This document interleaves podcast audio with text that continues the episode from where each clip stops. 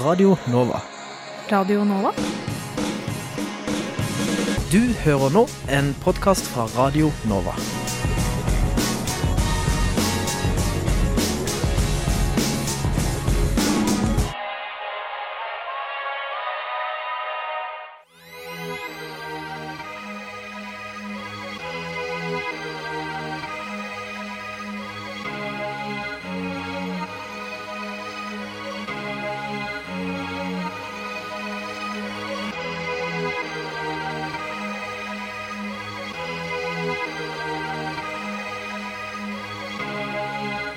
Siden 1982 har Radio Nova gitt deg favorittmusikken din, før du visste at du likte den.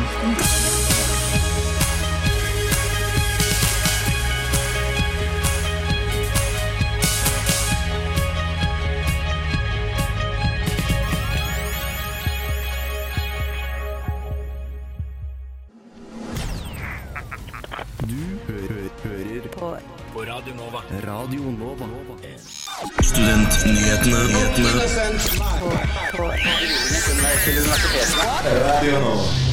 Mandag kveld arrangerte FO-studenten sin første temakveld, der de satte fokus på seksuelle overgrep i parforhold. Studenter vil studere i Oslo til tross for høye boligpriser. Natteravnene har startet et nytt tilbud, slik at jenter i Oslo skal komme seg trygt hjem. Regjeringen dropper karakter i sidemål. Vi tar en prat med Unge Høyre og Norsk Målungdom.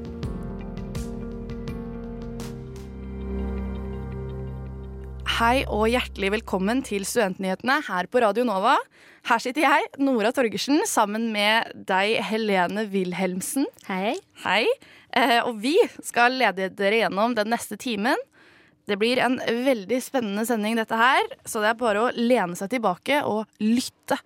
Aller først skal du få høre ukas nyhetsoppdatering.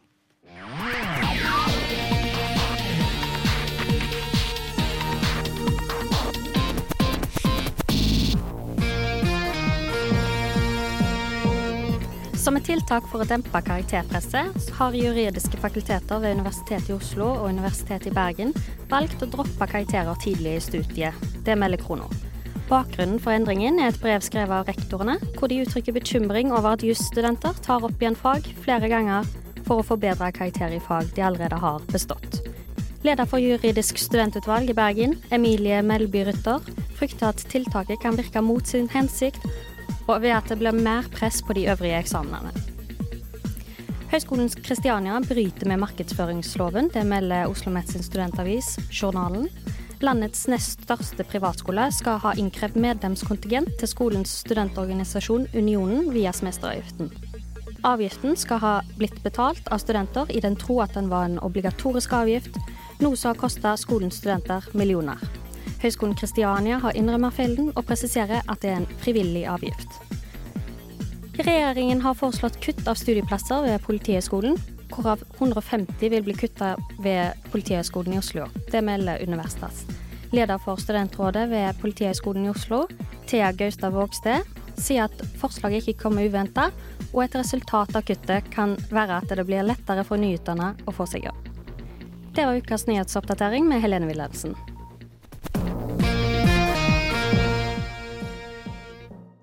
Bjørn Løvland fra stiftelsen Tryggere jobber bl.a. med å forhindre overgrep.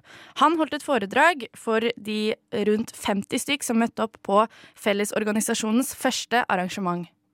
Egentlig Hovedoppgaven til oss som lokallag for FO-studentene er at vi arrangerer ting som kan være faglig relevante for våre medlemmer. Så i kveld så arrangerer vi en temakveld om eh, seksuelle overgrep i parforhold. FO-studentene i Oslo er en fagforening for de som studerer barnevernspedagogikk, sosionom, velferdsviter eller vernepleier i Oslo. Tirsdag kveld arrangerte de sin første temakveld med fokus på seksuelle overgrep i parforhold. Det er et tema som vi opplever at ikke tematiseres så mye i studiene, og da tenker vi at vi kan være et godt supplement til det. Bjørn Løvland er leder for Stiftelsen Tryggere, og var foredragsholderen for kvelden. Stiftelsen Tryggere jobber med å forebygge vold, seksuell trakassering og overgrep. Løvland deler årsaken til hvorfor noen forgriper seg på partneren sin inn i tre. Forsoningssex, sex for å få makt og kontroll, og sex som medisin for lav selvfølelse. For mange så er det sånn at volden, eh, eller voldtekten, seksuelle overgrepene, skjer etter en voldsepisode av fysisk og psykisk vold. Da er de lei seg, eh, skammer seg, har gjort partneren utrygg, redd osv. Eh, og for mange da så er det seksuelle det er noe som de bruker for å få til en forsoning. Og så klarer de ikke å få med seg at partner overhodet ikke ønsker sex da. Ønsker kanskje bare å være i fred. Og så er det en type overgrep som foregår, som heter forsoningsvoldtekt. Der han opplever det som samtykke, at samtykke er til stede mens partneren opplever at eh, hun overhodet ikke vil være med på det. Eh, så For noen så handler det om, eh, om, om, det å gjøre det godt igjen etter at de har gjort det dårlig. En forsoning. For andre så handler det om å ha makt og kontroll. Jeg utøver voldtekt av partneren for å markere at hun er min. Og For andre igjen så handler det òg litt om at, at det seksuelle er på en måte en medisin mot lav selvfølelse. Eh, og gjennom eh, det seksuelle så får de styrke av den selvfølelsen. Felles for eh, nesten alle sammen det at de har en svært liten forståelse av hvordan partner har det. Natalie Rekedal Holbrook var en av de ca. 50 som møtte opp på arrangementet for å få mer kunnskap om temaet. Eh, altså, Vi går jo på sosialt arbeid. Eh, vi har psykologi nå. Tenker at det kan være et relevant tema for vårt studie. Og Også bare et interessant tema generelt. Linnea Søgaard var reporter i saken, og hun prata med Liv Elisa Hammer og Bjørn Løvland. Det er mange studenter som velger å flytte til Oslo for å studere. Men tall fra SSB viser at det er 33% dyrere å leie en toroms utleiebolig i Oslo og Bærum enn landsgjennomsnittet. Vi har snakka med studentene på Oslo OsloMet for å høre hva de tenker om de høye boligprisene. Har du noen tips til hva man kan gjøre for å få studielånet til å holde hele måneden? Eh, det går ikke an, nesten. Det er mange studenter som velger å flytte til Oslo for å studere. Men tall fra SSB viser at det er 33% dyrere å leie en toroms utleiebolig i Oslo og Bærum enn landsgjennomsnittet. Jeg er nå på Oslo OsloMet for å snakke med studentene om bl.a. hva de tenker om de høye boligprisene, om studielånet holder hele måneden. Hvor kommer du fra? Larvik. Strømmen. Kristiansand. Når du begynte å studere i Oslo, hvordan gikk du da fram for å skaffe deg bolig? Eh, jeg søkte egentlig mellom SIO, men jeg fikk ikke noe der, så da gikk jeg på hybel og Finn, og da fikk jeg noe til slutt. Først så bodde jeg hjemme, så etter hvert så søkte jeg studentbolig gjennom SIO. Jeg så vel litt rundt på kollektiv, og så søkte jeg på studentbolig ganske tidlig. Opplever du da at du bruker mye penger på bolig? Ja. Ja, veldig mye. Mm, ja, jeg bor jo ganske rimelig i forhold til mange andre som bor i Oslo. Har du noen tips til hva man kan gjøre for å få studielånet til å holde hele måneden? Jeg har jo spart fordi for det jeg har jobbet mye, men da er det jo egentlig å få en jobb, da. For det er veldig lite. Eh, det går ikke an, nesten. jeg har to jobber ved siden av. Oi. Eh, nei, jeg har ikke så mange andre tips enn å kanskje få en jobb eh, på sida. Det har i hvert fall jeg vært helt avhengig av for å kunne ha råd til mat og andre nødvendigheter. Har du vurdert å flytte utenfor Oslo eller mindre sentralt for å bo billigere? Nei. Eh, nei, det vil jeg heller ikke. Nei, aldri. Kjenner du noen som studerer i andre byer, som betaler mindre for leie? Ja, ganske mye. Mange tusen, egentlig. Mindre. Ja, ganske mange, faktisk. Kjenner jeg som bor i Stavanger hun betaler ganske mye mindre. Og så kjenner jeg jo ganske mange som studerer i Kristiansand, og de betaler òg veldig mye mindre. Statistikk viser at Oslo og Bærum er de dyreste byene å leie bolig. Tenkte du noe over det når du valgte å studere i Oslo? Nei, jeg var egentlig fast bestemt eh, i mange år egentlig på at jeg skulle til Oslo. Egentlig ikke, fordi jeg hadde lyst til å studere i byen uansett. Men det er jo kjipt at det er så dyrt å leie. Nei, jeg var vel egentlig bestemt på at jeg skulle bo i Oslo. Der hørte du Sunniva Kristoffersen, Desiree Hagen og Kaja Henriksen. Alle studenter på Oslo OsloMet fortelle om hvordan de gikk fram for å skaffe seg bolig i Oslo. Ingen av jentene mente at studielånet holder hele måneden, men tipsene var å skaffe seg jobb på sida eller å spare på forhånd. Reporter i saken var Anna Tørresen. Ja, der hørte du vår reporter Anna Tørresen intervjue tre studenter på Oslo OsloMet om dyre Oslo-boliger og tips til hvordan eh, å holde stipendet hele måneden. I Oslo har det nå blitt opprettet et nytt taxitilbud for jenter. Vi har tatt en prat med generalsekretær i Natteravnene, Lars Nordbom, for å høre hvorfor dette ble opprettet og hvordan ordningen fungerer. Så har kvinner anledning til å praie taxiene. Man kan ikke ringe de. De står ikke på noen holdeplass. Men eh, Natteravnen har mulighet til å rekvirere disse taxiene. Vi har eh, noen hemmelige telefonnumre som går rett inn til bilene, og kan rekvirere hvis vi, hvis vi gjør det. Jenter kan nå i regi av Natteravnene får gratis taxi hjem fra byen. Vi har tatt en prat med generalsekretær av Natteravnene, Lars Nordbom, for å høre litt mer om ordningen. Taxi er et tilbud eh, i regi av eh, Sparebank1 Østlandet, Hafslund Nett og Oslo Taxi og Natteravnene. Eh, og det går i enkelhet ut på at vi fra onsdag til og med lørdag i julebordsesongen, altså fra 15.11. til 15.12., tilbyr jenter eh, gratis taxi hjem i noen flotte, profilerte rosa taxier med øyevipper og det hele. Man kan benytte seg av taxien ved å praie den på gata. Eh, den kjører rundt i Oslo sentrum fra onsdag til lørdag. Fra klokka 20 på kvelden til klokka 04 på morgenen. Og eh, det går jo ikke an å ringe til den, og den står ikke på holdeplass. Men man kan henvende seg til Natteravnene hvis man treffer Natteravnene ute, eh, og be om at vi rekvirerer en jentetaxi. Kan eh, menn benytte seg av det, eller personer med et annet kjønnsuttrykk? Menn kan ikke benytte seg av jentetaxi, men eh, alle som har et kvinnelig kjønnsuttrykk, har anledning til å benytte seg av eh, jentetaxi. Så dere et behov, eller var det en etterspørsel etter et slikt tilbud? Det var vel egentlig vi som så et behov for jentetaxi, i forhold til at vi spesielt i julebord, julebordtiden oppdager at det er mange ute som har si, dårlig erfaring da, med å være ute. Mm. Og da kan man lett havne i konflikter. Og så ser vi også stadig oftere at eh, spesielt unge mennesker, unge kvinner, eh, gjerne ikke har eh, alltid noen plan for hvordan de skal komme seg hjem. Mm. og det var vel sånn ideen kom opp at jentetaxi kunne være hensiktsmessig. nå er det sånn at vi har et inntrykk av at det er jenter som i størst grad føler utrygghet. Mm. og Derfor var det naturlig at det ble jentetaxi i denne omgang. Kommer et slikt tilbud til å fortsette hvis man ser at mange benytter seg av det? Dette tilbudet er nå kun fram til 15.12., men vi, eh, det jeg kan si foreløpig om saken, er at vi er i dialog med samarbeidspartnere om en uh, mer permanent uh, ordning for jentetaxi. Nordbom kommer også med noen tips for å komme seg hjem etter julebordet. Ja, jeg vil gi det samme tipset til studenter som jeg gir til mange andre unge mennesker. Eh, det kanskje aller viktigste når man er ute på byen, det er å ikke drikke så mye alkohol eller eh, bruke såpass mye rusmidler at man ikke er i stand til å ta vare på seg selv eller følge med på det som skjer rundt en. Eh, videre så tenker jeg at nesten det aller viktigste er å ha en plan for hvordan man skal komme seg hjem.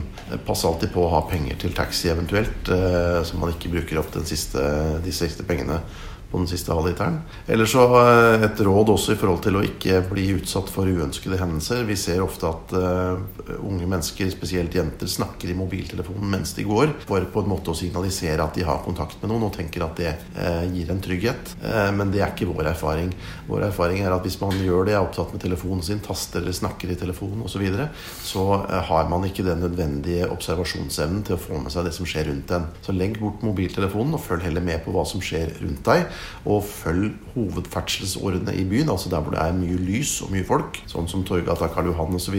Unngå mørklagte deler av Slottsparken og sånne ting, og prøv å legge ruten hjem på en annen måte. Før julebordsesongen begynner for fullt, har Nordbom en siste oppfordring til studenter der ute. Ja, jeg kunne tenke meg å oppfordre alle studenter til å bli med og gå Natteravn og melde seg som frivillige. Vi mangler frivillige, og det er en fantastisk fin opplevelse. Både i forhold til alle de positive tilbakemeldingene man får når man er på byen og ser den fra en annen side. Eh, pluss at eh, når man kommer fra andre distrikter osv., så, videre, så tenker jeg at det å være med på Natteravnene eller noe annet frivillig, det eh, bidrar til å utvide det sosiale nettverket Eh, og blir kjent med nye mennesker. Ja, der hørte du generalsekretær i Natteravnene snakke om det nye taxitilbudet i Oslo, finansiert sammen med Sparebank1, Østlandet og Hafslundnett. Reporter i saken var Stig Gøran Skogvang. Eh, den nye læreplanen har som mål å gjøre undervisningen mer relevant for fremtidens elever. En av endringene er at karakter i sidemål ikke lenger vil bli satt i 8. og 9. klasse på ungdomsskolen og VG1 og VG2 på videregående skole. Er dette bra? Til å diskutere dette har vi med oss Gunhild Skjold, leder i Norsk Målungdom, og kanskje litt seinere så kommer eh, Lasse Fredheim, sentralstyremedlem i Unge Høyre. Velkommen til deg, eh, Gunhild. Ja, tusen takk. Hvorfor tror du at regjeringen gjør dette? Jeg tror det er godt ment på et vis. Det de argumenterer for, er jo at dette vil føre til at man får mer tid, og det blir mer dybdelæring. Eh, men det vi er redd for, er at dette bare kommer til å gjøre det enda verre, det vi allerede ser i dag, der eh, å jobbe med sidemålet blir nedprioritert, spesielt for de da som har nynorsk som sidemål. Hva tror du er konsekvensene? Jeg tror at konsekvensene blir at eh, de som har nynorsk som sidemål, får enda dårligere opplæring i sidemålet sitt. Eh, og når det da blir lavere nynorskkompetanse i samfunnet sånn generelt, så blir det også vanskelig for de som har nynorsk som hovedmål. Og hva er din måte, personlige erfaring eller forhold til nynorsk? Jeg, kan si, jeg er jo veldig glad i nynorsk. Jeg har skrevet det som hovedmål sjøl. Men jeg hadde nynorsk som sidemål fram til første klasse på videregående, da jeg bytta hovedmål. Så jeg har jo ganske mye erfaring også med å ha nynorsk som sidemål. Og det jeg opplevde da, det var at det ofte ble nedprioritert i undervisninga. Og en av grunnene til at jeg tenkte la meg bare skrive nynorsk hele tida, var at jeg opplevde at man brukte ikke nok tid på det. Det var vanskelig å lære det. Og da måtte jeg liksom sjøl ta ansvar for å få den mengdetreninga som trengs for å lære et språk. Så det var derfor du bytta fra bokmål til nynorsk hovedmål? Ja, eller det var i hvert fall én av grunnene. Det er jo også grunner som at nynorsk er et, synes jeg, et bedre språk, eh, personlig i hvert fall, og at jeg syns det passer meg bedre. Til dialekta di og sånn? Ja, eh, til dialekten min og til den skrivestilen man har, som er litt mer muntlig i stilen og sånt. Ja. Tror du at eh, dette kan føre til at eh, færre vil bruke nynorsk? Og at vi går glipp av en viktig del av vår kultur ved å ikke lære dette til unge? Ja, det er jo akkurat det vi frykter. Eh, det er jo sånn at eh, det er flest i dette landet her som lærer nynorsk som sidemål. Eh, og hvis det blir nedprioritert i skolen, så fører jo det til at det blir mange færre som kan nynorsk, og da blir det også vanskeligere for oss som har det som hovedmål å bruke språket, både i liksom, arbeidssammenheng, hvis det alltid er sånn at når vi skal samarbeide med noen som skriver bokmål, så må vi gå til bokmål, for det kan begge, mens de kan ikke nynorsk. Og, det kommer til å gjøre det vanskeligere fordi det blir mindre nynorsk i samfunnet rundt oss. Og det er jo kunne jo eh, vært mye mer nå også.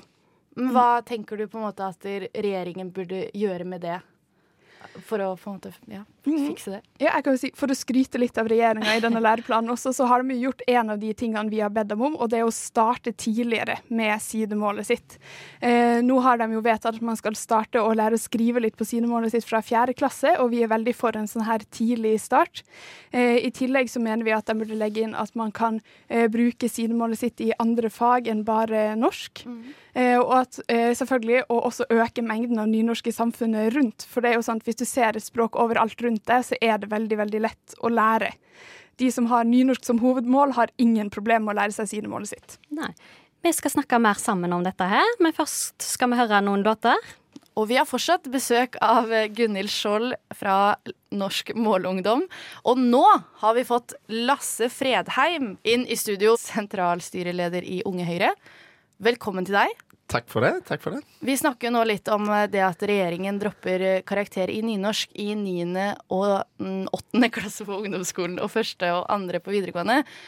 Nå vil vi jo høre litt hvorfor tror du regjeringen gjør dette? Droppe karakteren i sidemål. Så for de som har nynorsk, så ryker karakteren i bokmål. Men det man gjør, er altså at man sier at man skal ikke ha karakterer i 8. og 9. fram til jul. Man skal kun ha karakterer på sommeren. Og det samme gjør man i første og andre klasse på videregående. Og jeg, Unge Høyre har jo alltid kjempa for at man skal ha valgfritt sidemål, så for oss er det sånn det er nesten seier. Men jeg syns det er veldig bra, fordi elevene i den norske skolen i dag har altfor mange norskkarakterer, uavhengig av om det er sidemål eller hovedmål. Man har karakterer i norsk muntlig, man har karakterer i norsk skriftlig, og så har du sidemål, og så har du eksamen i norsk muntlig, eksamen i norsk skriftlig, og så har du eksamen i sidemål òg. Syns du det er dumt? Jeg syns det er dumt at man har så mange norskkarakterer. Og det går spesielt ut over guttene i den videregående skolen. Og det har Stoltenberg-utvalget konkludert med òg. Fordi at guttene er litt bedre i matematikk, og jentene er litt bedre i skriving. Og da ender man altså opp med kanskje to karakterer i matte og seks karakterer i norsk i videregående. Og det er litt kjipt at norsk skal vektes tre ganger så mye på vitnemålet ditt som f.eks. matte, når vi sier at de to fagene er akkurat like viktige. Men føler du det er feil å ta vekk akkurat nynorsk, hvorfor skal, eller sidemål? Hvorfor skal sidemål prioriteres ned i forhold til de andre norskkarakterene? Fordi vi har det sånn i norsk skole i dag at én av tre elever går ut av norske skolen uten å kunne skrive og lese skikkelig. Uh, altså Én av tre elever har ikke lært seg grunnleggende skriving når de går ut av den norske skolen. Og da mener jeg at man er nødt til å ta et steg tilbake og fokusere på det aller viktigste, nemlig at man kan skrive hovedmålet sitt. At man er dyktig og trygg og klarer å mestre hovedmålet sitt. Og så syns jeg fremdeles at man skal ha like mye undervisning i sidemål. Man har styrka kompetansemålene på sidemål. Man starter, opp, eh, man starter faktisk med undervisningen tidligere nå, ned i fjerde klasse, og det er bra. Men det er litt kjipt at det er så mange karakterer på vitnemålet, og da er man nødt til å gjøre noe med karaktergrunnlaget man har i norsk. Og så skal undervisningen være enda bedre enn den er i dag. Gunhild, er du enig, enig i dette? Jeg er jo ikke så enig. Jeg syns f.eks. det er litt rart at du sier at dette er jo på en måte Dere jobber jo for valgfritt sidemål, så derfor er det bra at vi fjerner noen av karakterene. Men man skal jo fremdeles, som du sier, lære like mye av sidemålet sitt nå, selv om man har slått sammen noe av vurderinga. Um, og uh, det vi er redd for, er jo at dette fører til at sidemål blir prioritert ned i undervisninga, og da spesielt for de som har nynorsk som sidemål. Vi vet allerede at f.eks. er opplæringa i nynorsk i lærerutdanningen for dårlig. Det vi samarbeider med pedagogstudentene om, fordi at lærerstudentene sjøl sier at de får ikke en god nok opplæring i hvordan de kan lære bort nynorsk. Det betyr at eh, man trenger kanskje litt mer insentiv for å prioritere eh, nynorsken, og det å gjøre det usynlig på vitnemålet eller på standpunktskarakterene Nei, underveisvurdering. Unnskyld. ja. Vanskelig å holde tunga rett i munnen her. Ja. Eh, men det gjør jo for det første at eh, det blir ikke like tydelig hvor mye av sidemålet sitt skal man skrive, f.eks. I tillegg så betyr jo denne sammenslåinga eh, her at eh, det blir vanskeligere Elevene får ikke den samme til, underveistilbakemeldinga eh, som de har fått tidligere. Og når det har vært et eh, forsøk der man har prøvd å ha sammenslåtte karakterer, eh, så svarte elevene at de syntes at de fikk ikke god nok tilbakemelding på hvordan de lå an i sidemålet sitt, og ville gjerne eh, ha karakter. I tillegg så vil jeg si at hvis det er vekting det er snakk om, så kunne man jo, eh, sånn som Stoltenberg-utvalget faktisk foreslo, ikke fjerne eller slå sammen om karakterer, men heller vekte dem annerledes. Man kunne jo gjort det sånn at f.eks. Eh, hovedmål- og sidemålskarakteren begge to vistes på vitnemålet, sånn at det var tydelig hvilken kompetanse man har, og at man fikk tilbakemeldinger, eh, men at man f.eks. vekta det annerledes. Eh, men det er jo ikke det eh, Unge Høyre og Høyre foreslår. De hopper på den første sjansen de har til å liksom nedprioritere nynorsken. Og det syns jeg er kjipt. For eh, Lasse, er ikke du redd for at nynorsken kommer til å forsvinne helt? At dette på en måte bare er starten på utviklingen? Nei, sidemål. Ja, ja, sidemål. Nei, jeg, det er ikke i det hele tatt. Vi har over 90 kompetansemål i norsk. Og det er jo veldig få av de kompetansemålene som er nevnt på eh, karakterkortet ditt. Og det betyr jo ikke at undervisningen er mindre dårlig for det om. Så nå styrker man altså sidemålsundervisningen gjennom kompetansemålene.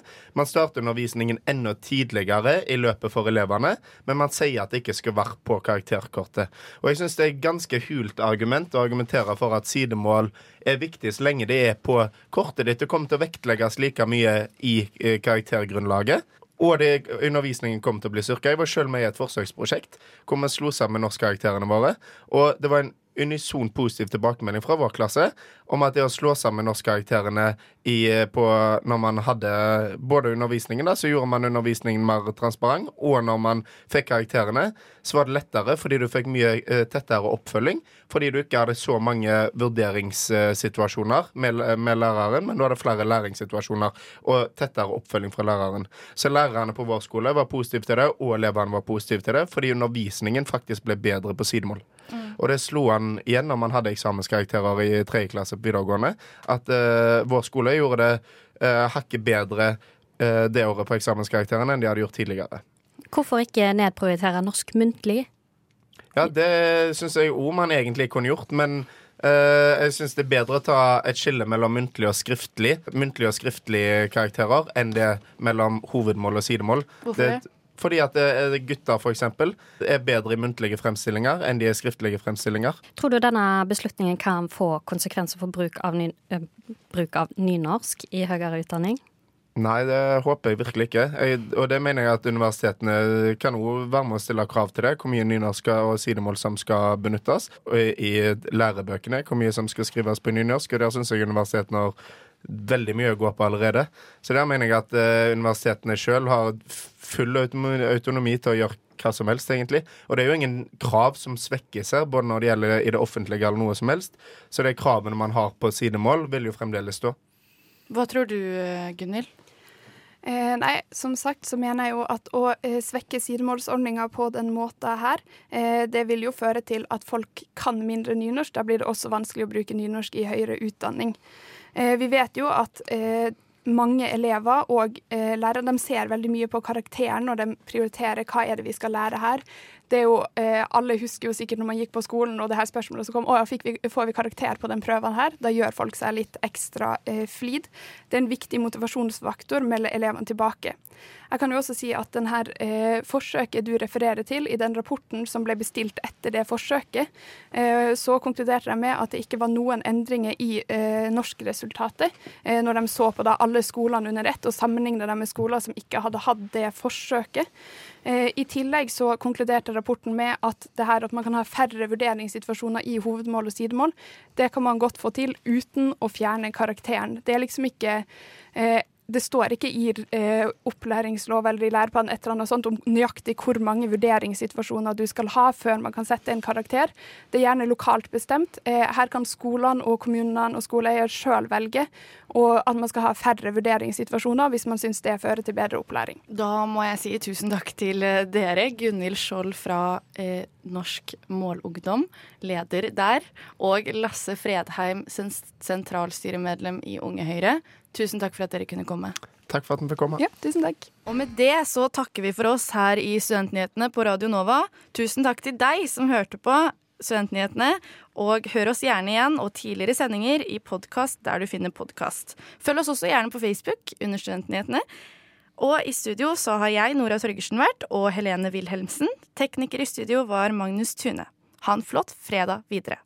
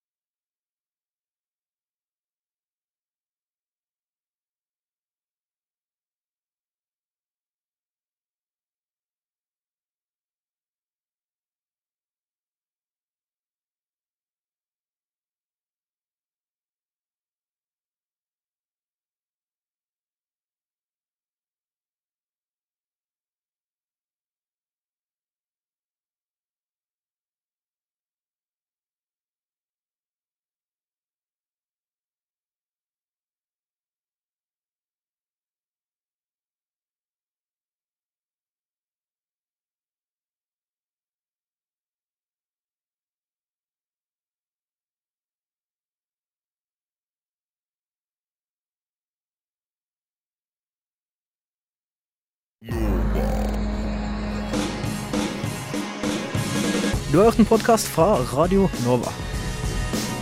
Likte du det du hørte? Du finner flere podkaster i iTunes og på våre hjemmesider radionova.no.